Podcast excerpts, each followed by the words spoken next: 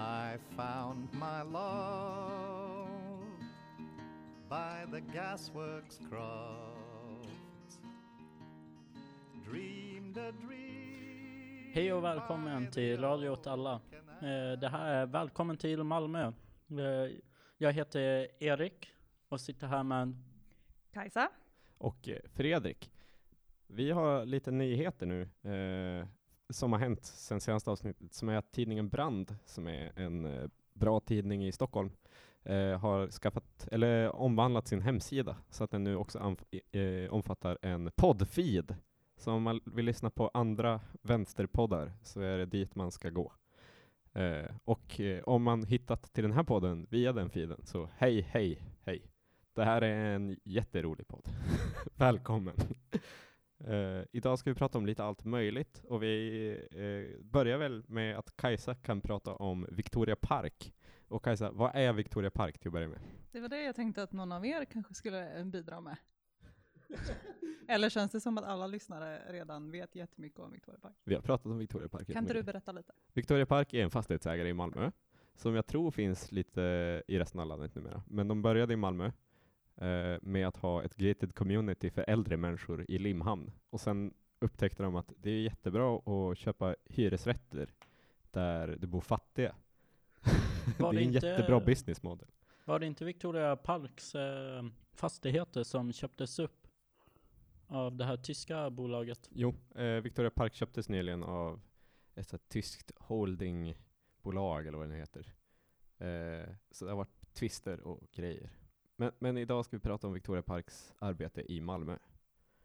Jag har ju eh, snubblat över en rapport som Victoria Park har beställt, eh, som handlar om deras bostadssociala insatser.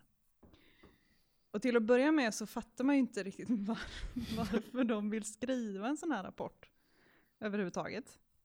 Det är lite svårt att förstå, men det är väldigt rolig läsning. Jag kan verkligen eh, rekommendera den. Den heter eh, Bortom bokslutet, värdet av Victoria Parks bostadssociala insatser. Eh, ja, om man, jag kan ju berätta lite om vad kontentan av den här är. Det, det är som att eh, de beskriver sitt bostadssociala arbete som att det består av tre delar. Och det ena är att man, har, eh, att man anställer så kallade miljövärdar, kallas det, ja precis. Det är alltså typ fastighetsskötare.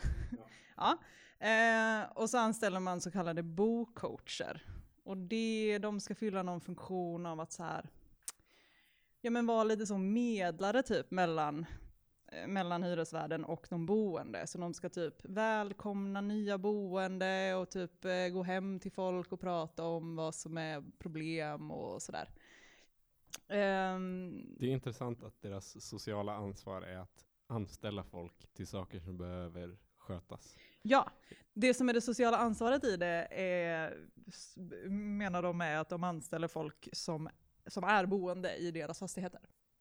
En av liksom arbetsuppgifterna för de här personerna är typ att agera liksom bolagets så förlängda arm ut i området typ och så här bygga relationer med folk eller använda sina redan existerande sociala relationer med folk. Mm.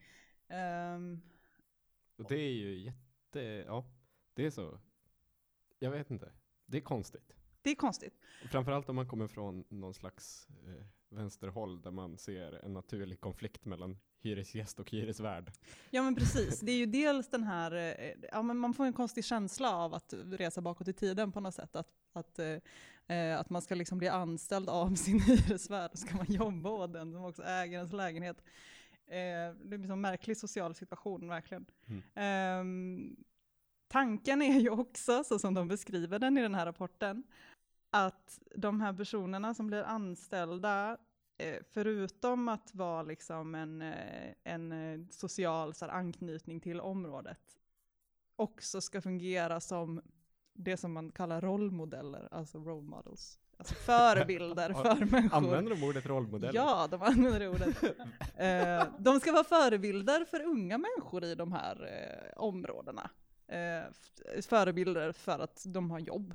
Det är coolt att jobba åt sin hyresvärd, ska man känna om man Precis. bor på Rosengård. Och det kan man ju också lägga till då att Victoria Parks hela affärsidé är- är ju, eh, sen de släppte det här gated communityt för äldre, eller 55 plus, Mm. eh, så är ju hela deras affärsidé att köpa fastigheter i så kallade socialt utsatta områden. Alltså det som vi brukar kalla miljonprogramsområden. Eh, Och varför då? Varför har de börjat göra det? Eller så här, man fattar, ja, man tjänar jättebra med pengar på det. Men varför, hur tjänar man jättebra med pengar på fattiga människor? Hur går det ihop? Ja, jag, jag tänker att eh, det är så pass eh, enkelt att det man kan göra i liksom procentuell vinst Mm. är mycket högre i ett område som är, eh, ja, alltså vad man kan kalla fattigt. Alltså ett område där markpriserna är eh, lägre värderade och då liksom när man får upp dem sen så kommer det bli en högre liksom höjning procentuellt eh, än eh, i ett eh, när än i ett rikemansområde där tomtpriserna är redan höga. Det krävs mindre insatser i ett fattigt område. Man skulle kunna säga att eh, eh, de följer räntegapsteori. Det skulle man kunna säga om man, om man gillar den teorin. Eh, nej men det är ju också en väldigt, det är ju dels att det finns en sån marginal att man verkligen kan eh, väldigt snabbt tjäna väldigt mycket pengar på att renovera de här fastigheterna. Jag läste någonstans att Victoria Park höjde värdet på de fastigheterna som de köpte i Rosengård eh, 2000, när det nu var, för några år sedan. Eh, 16. tror jag. Ja, eh, så, så höjde, höjdes värdet på de här fastigheterna med 20% på tre månader. Jävlar. Eh, det var ju en jävligt bra affär. Men det är ju också en väldigt Socialt trygg, ja, precis. Det är ju också en väldigt trygg investering för att vi har ett läge där det, där det råder bostadsbrist och eh, att investera i hyresrätter är så bara 100% säker investering. Liksom. Ehm, vilket ju också har att göra med liksom, ekonomin i, i, eh, i stort. Ett av dem, eh, vi pratade eh, innan om att det är ett tys, tyskt företag som numera är majoritetsägare i Victoria Park. Men eh, det finns ju också ett amerikanskt företag. Ja, just det. Vi har pratat heter- om båda de här. Och Ja. att de har jätteroliga namn. Men jag minns inte vad de heter. Blackstar? Ja, ja. Black. Star. Jag tror inte det är Mm. Blackstar, för det är en skiva av Talib Kweli och Mos Def. Jaha, Black. Uh, Okej, jag kommer inte ihåg. Skitsamma, det är ett eh, amerikanskt eh, bolag i alla fall. Eh, det, det, men eh, alla de här företagen har ju den här affärsidén, att de köper upp eh, hyresfastigheter i så kallade socialt utsatta områden. Och de börjar, det här amerikanska bolaget var ju en av dem som verkligen tjänade på att eh, på finanskrisen, eller krisen som var eh, 2008, Mm. när det, det, eh, all- allting gick åt helvete och det plötsligt blev väldigt så här lönsamt att investera i hyresrätter istället för att bygga dyra bostadsrätter till exempel. Så, så det kan man också prata om. Men för att återgå till det här roliga dokumentet. Ja, det roliga dokumentet. Vi har pratat om de här eh, boost, de så kallade bostadssociala insatserna som har sett anställa boende som typ värdar och så kallade coacher då. Ehm, eh, som, som förebilder och som eh, liksom en eh, anknytning på något sätt, eh, stärka eh, företagets anknytning till området. Eller typ, jag vet inte, höja deras, liksom, vad ska man säga, höja deras eh, Legitimitet. legitimitet, skapa förtroende liksom. Det är också så, tänk i en eventuell hyreskonflikt i det området. Mm. Vad jävla obehagligt. När man har så coacher som är anställda av företaget som har liksom röven på båda stolarna liksom. Mm, precis. Fy fan. Fy fan. Jo, en, eh, den tredje delen. Jag, jag nämnde att det, att det är liksom tre delar i det här, eh, så som de beskriver det här arbetet. Och den tredje delen är ju det som kallas rullande rot. Jag lägger in en sån applåd. Ja, precis. Ehm, och det är ju helt enkelt någonting som alla som har bott i hyresrätt redan vet om. Men alltså att, att fastighetsägare såklart, eh, deras mål är ju att, att höja hyrorna, det vet vi. Tjäna mer pengar. Jag vet inte, det blir så konstigt att prata om. Men eh, eh, ja, och för att göra det så behöver man ju renovera. Eh, och höja ja, standarden. Och det är ju eh, svårt att göra när folk bor i de här bostäderna. Eh, så då väntar man ju tills någon flyttar och så renoverar man den lägenheten och så höjer man hyran. Mm. För, för hela, man får inte renovera, man får inte standardhöja en lägenhet som någon bor i om de inte också säger ja. Eftersom att de ska ha rätt att eh, eh, säga nej till en hyreshöjning. Det är ju Ja, en det är lite luddigt, men- det, ja, eller det är ju en sanning med modifikation. Ja. För man kan säga nej. Men då kan hyresvärden ta en i, inför hyresnämnden. Och i typ 9 av 10 fallen vinner hyresvärden. Ja. Så det är lite poänglöst. Ja, men, Men- men, det är ändå liksom en ex, ett extra problem som man kan kringgå genom att bara inte renovera när de bor någonstans, utan bara göra det när de flyttar. Ja, ja, och det handlar ju också om att eh, de renoveringar man gör som i, ja, inte är standardhöjande får man ju bara öka med 3% så Ja. det gäller ju att trycka in den där spisfläkten och feta hyllorna. Handduksstorken. Japp. Men, men det är ju intressant för att det, eh, det är ju en konsekvens av hyreskamper i Göteborg framförallt. Där folk kämpade mot just renoveringen som skedde när de bodde. Så har man sedan dess bestämt sig för eh, att köra rullande rot istället. Att göra det när ingen bor där. Så undviker man, kringgår hela liksom, konflikten. Eh, och för personer som bor i de här husen så är kanske är det skönare. Men gentri, den liksom gentrifierande eh, processen fortsätter. Och det, det komplicerar lite att vara emot hela frågan. Mm. Men, men det gör det bara så att man måste precisera vad man menar och utveckla ett nytt språk för att förklara det, antar jag. Precis. När man pratar om att rullande rot då utifrån Victoria Parks perspektiv är liksom en, bost, en social insats. Ja. så bygger man ju det på någon slags här hemmasnickrad eh, teoretisk grund eh, som hänvisar till lite olika lösryckta, ja, jag vet inte, som känns som att den bara ja, men, tar typ någonting från den här gamla ekonomen eh, Alfred Marshall och tar någonting från han, eh, den här amerikanen som hittade på det här med eh, eh, broken windows-teorin. Eh, alltså att, eh, ja, men, att trasiga fönster eh, typ föder kriminalitet. Alltså om, man, eh, om det är liksom mycket skadegörelse i ett område så blir det på något sätt en, en eh, negativ eh, spiral typ som föder mm, det här så kallade asociala beteendet. Liksom. Vi har ett helt avsnitt om Broken Windows-teori tror jag. Ja, de, jag vet inte om det var han som, som liksom eh, la grunden till den, men jag vet att han, ja skitsamma, de hänvisar till honom, han heter typ eh, Gladwell tror jag. Eh, och någon gammal sociolog och du vet så här, ja. Eh, så de, så de, eh, ja, så tanken med rullande rot är ju att, eh, att det är positivt för hela området att eh, höja hyrorna, för då kommer det eh, flytta in människor som har ett eh, eh, som är rent socioekonomiskt är eh, starkare än genomsnittet i området. Och eh, då, Det, är- det är kul att de verkligen skiter i sina hyresgäster. De bryr sig bara om området liksom. ja, precis, och det bygger ju på den här tanken då om att, ehm, om att utanförskap är liksom en, en spiral, en sig självförstärkande process, att det finns ett socialt arv i de här områdena.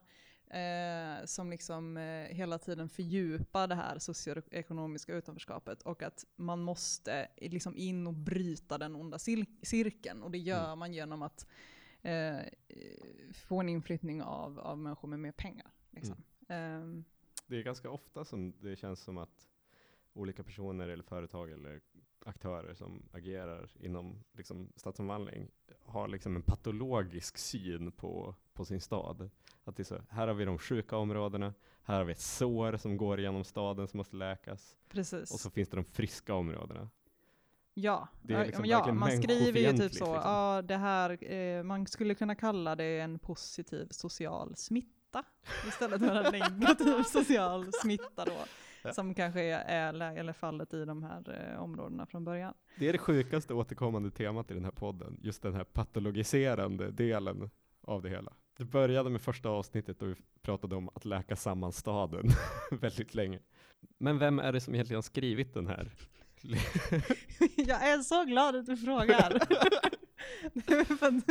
Det var ett tag sedan jag läste den här rapporten, men idag så har jag försökt, eh, ehm, alltså den här personen som har skrivit den, han heter Också Han jävligt har- anonymt namn. Ja, han är ju väldigt svårgooglad på det sättet. Det finns ganska många som heter så. Eh, han har jäckat mig hela dagen. Jag har verkligen försökt hitta liksom, och göra någon slags biografi över honom. Det är han och en till person ska jag säga, som är en eh, någonting nätverk tror jag. Ja, skitsamma. Eh, han, han är, man hittar lite olika artiklar om honom, till exempel från Hyresgästföreningen har skrivit om honom. Eh, P4 Väst hade något inslag där han får prata och han presenteras liksom exakt på alla de här Google-träffarna så presenteras han likadant, vilket alltid är lite oroväckande. Typ, Mm. För att det känns som att de bara, ingen har liksom, de har bara kopierat. Så här. Eh, han presenteras som eh, nationalekonomen eh, som har arbetat i, i, i 35 år med eh, att forska om, eh, eller skriva om, eh, utanförskapets samhällskostnader.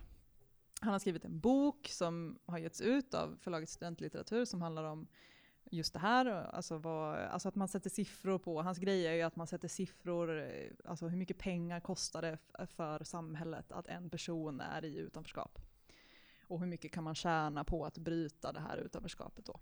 När man läser den här rapporten som han har skrivit då för Victoria Park så blir man lite, ja men man börjar genast ifrågasätta typ om han verkligen har Ja, det, det är inte direkt vetenskaplig forskning. Nej, alltså den är väldigt, väldigt, väldigt liksom löst allting. Och, och man undrar, äh, ja, nej, okej. Man Är hitt- för nationalekonom, ja, men, ja, tänker man. ja, alltså lite så. Så hittar jag liksom ingenting som kopplar honom till något typ av eh, högskola, universitet eller någon annan vetenskaplig institution.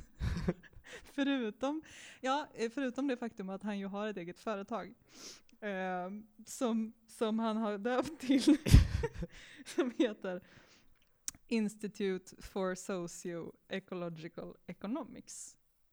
Och, och det här företagets namnet, han, han, han... eh, Det insinuerar att det är ett riktigt institut liksom. Ja. Det insinuerar att det är Ja. en fakultet Och nästan. han har, liksom, han har fått uppdrag från Region Skåne och Malmö stad och han har suttit med i olika kommissioner och då är det som att han presenteras med sitt namn och sen med det här företagets namn då. Att han kommer ifrån Institute for bla bla bla, bla. Alltså det låter ju Det låter jävligt... som att det är ett institut liksom. Men det är det inte. Det är mest en konsultfirma, företag. liksom, som bara är hans sätt att anställas. ja, precis. Ehm, så att jag vill jättegärna veta mer om den här personen. Alltså jag blir bara mer och mer intrigued av hans historia. Liksom. För det är också som att alla de här Google-träffarna är verkligen typ från de, alltså det, okej det har ju också med Google och algoritmerna och så vidare att göra. Men jag har liksom inte hittat någonting som är äldre än typ fyra fem år. Liksom. Och då är det en, ja, men jag vet inte, det är, lite, Han är bara... det är ett mysterium liksom.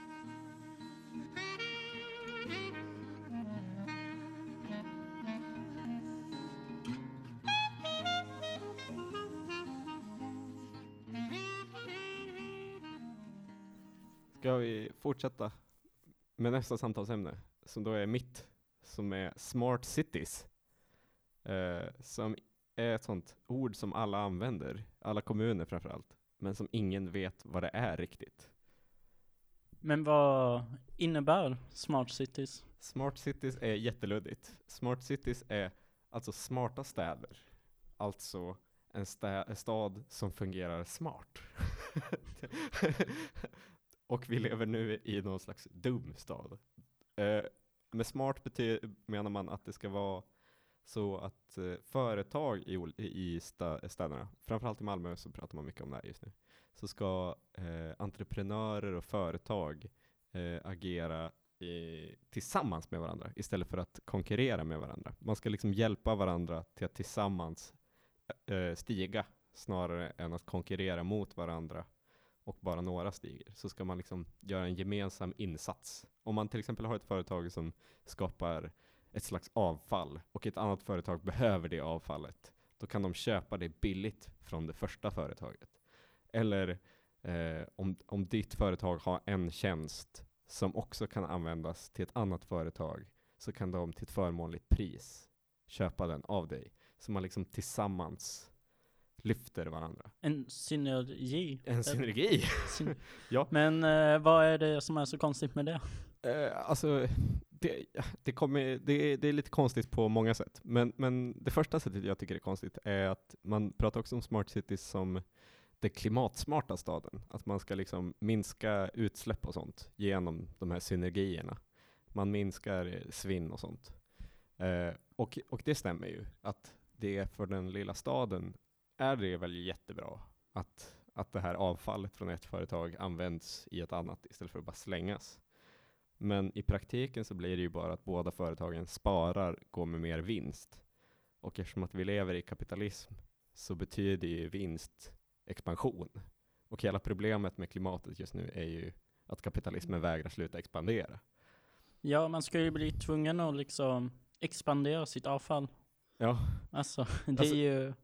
det är ja. lite ett så här nollsummespel kan man säga. Det är lite så att går du med vinst, då är det inte bra för klimatet. För i slutändan så blir det ju bara brunkol och skit av det ändå liksom. För, att, för att pengar är en allmän ekvivalent. Det är inte, pengar är inte klimatsmart, utan det går till olika saker.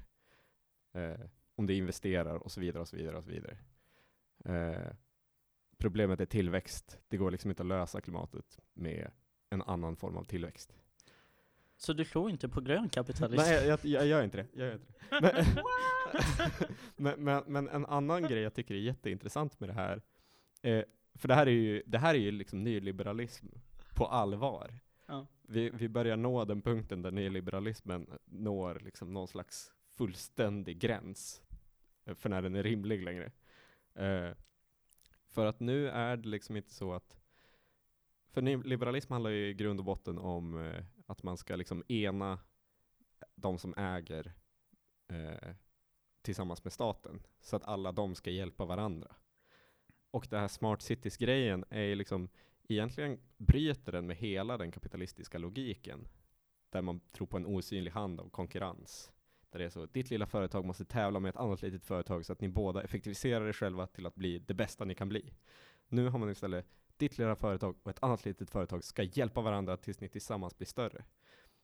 Och, och det är bara en så här intressant ideologisk utveckling där, eh, där det liksom blir att samarbete har blivit mycket mer centralt i liksom, den allmänna debatten. Men det är inte samarbete eller gemenskapande med, mellan människor, utan det är mellan olika entreprenörer och företag. Och det, rent ideologiskt tycker jag det är intressant, för jag tror att det går att vända på den ganska lätt och säga ja, absolut, ni har också fattat det här att det inte är konkurrens som leder vägen framåt, men ni har inte riktigt fattat det här med att det inte är samarbete mellan centerpartister, utan mellan människor.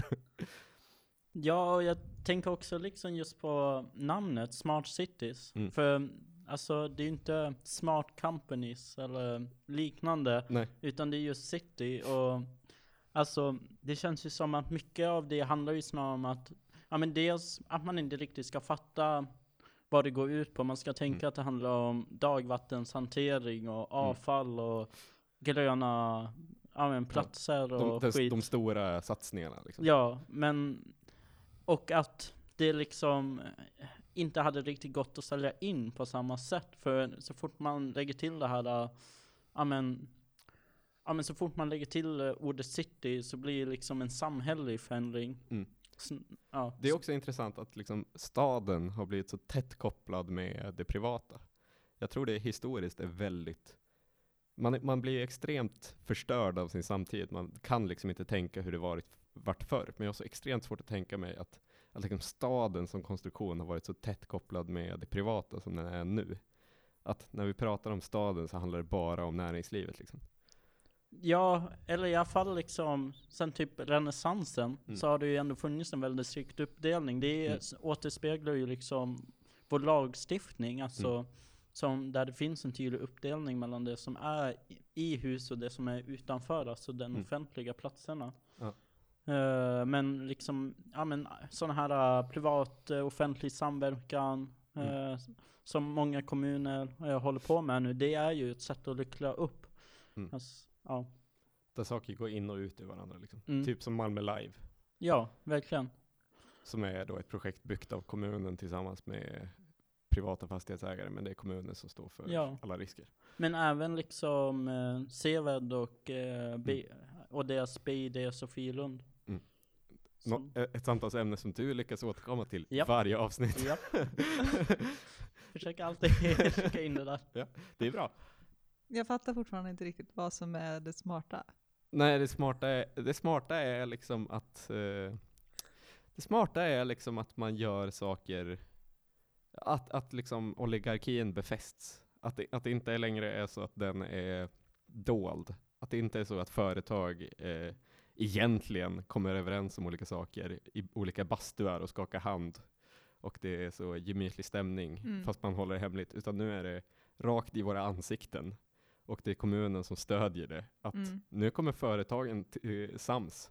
Det har liksom blivit helt öppet. Här, den här dolda processen där olika företag gör upp, gör upp om saker och skapar små, små eh, vad ska man säga, karteller, eh, har nu liksom helt enkelt blivit, det är inte något vi skäms över längre. Men det hänger ju, alltså jag kan eh, inte så mycket om det här, jag kommer slänga ut det här ändå. Eh, Släng! Ja, jag slänger nu. Nej, men jag menar det är väl, det känns ju som att, det är svårt att säga, men alltså det handlar ju om att man inte längre typ är så intresserad av att priskonkurrera med varandra. Nej. För att det är inte det som ekonomin går ut på, eller Nej. det är inte där man kan liksom öka, öka värdena. Nej, Utan nu att det handlar det om- handlar om ja. att skapa en, alltså Klusterbildning. Som man säger inom geografin. exakt. Ja, men jag tänker också att det smarta, liksom, som man i alla fall försöker projicera det utåt, är ju liksom i form av så här smarta typer av dagvattenlösning, smarta typer, alltså resursanvändning helt enkelt. Mm. Och det är ju liksom, man måste ju skilja där mellan vad som syns utåt och vad Mm. det faktiskt innebär. Alltså, jag, jag vet inte hur många föredrag jag har varit på i typ inom Länsstyrelsen eller någon kommun.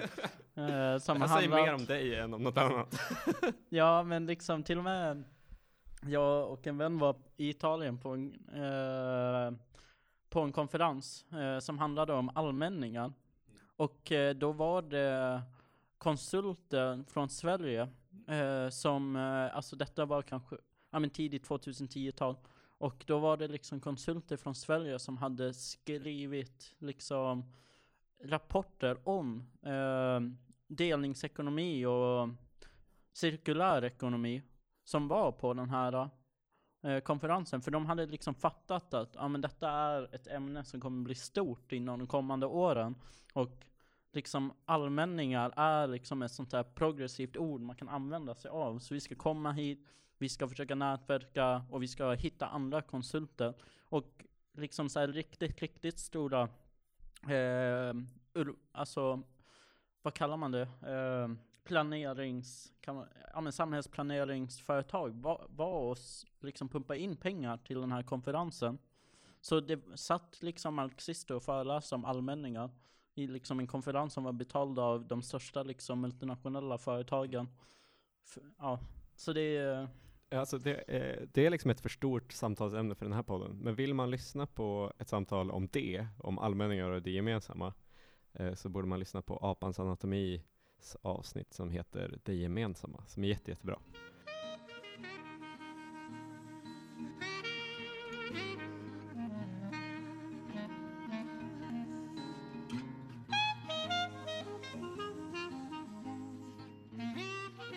Men, eh, men, men vi har inte så mycket mer att prata om eller?